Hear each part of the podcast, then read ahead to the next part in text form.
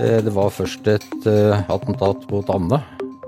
Eh, Og jeg tenker hva ville vært situasjonen for Ordre gård hvis Anne hadde blitt drept.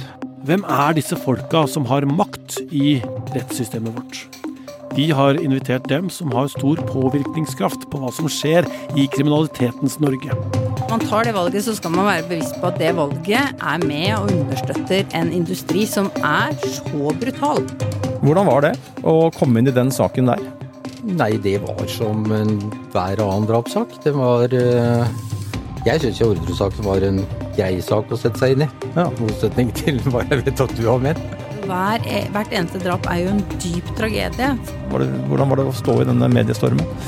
Nei, jeg har jo egentlig alltid likt det, jeg, da. Det skal jeg erkjenne. Jeg, eh, Nei, Jeg tenker jo for det første så eh, å gjøre det til et ubehagelig sted å være.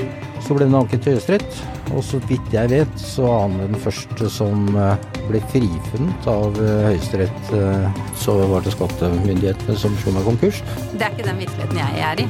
Og den virkeligheten der, den, den skal du mye til før man kommer til.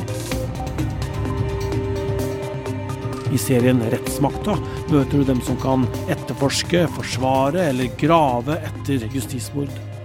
Hør Rettsmakta fra Krimpodden på Podmy eller via VG+.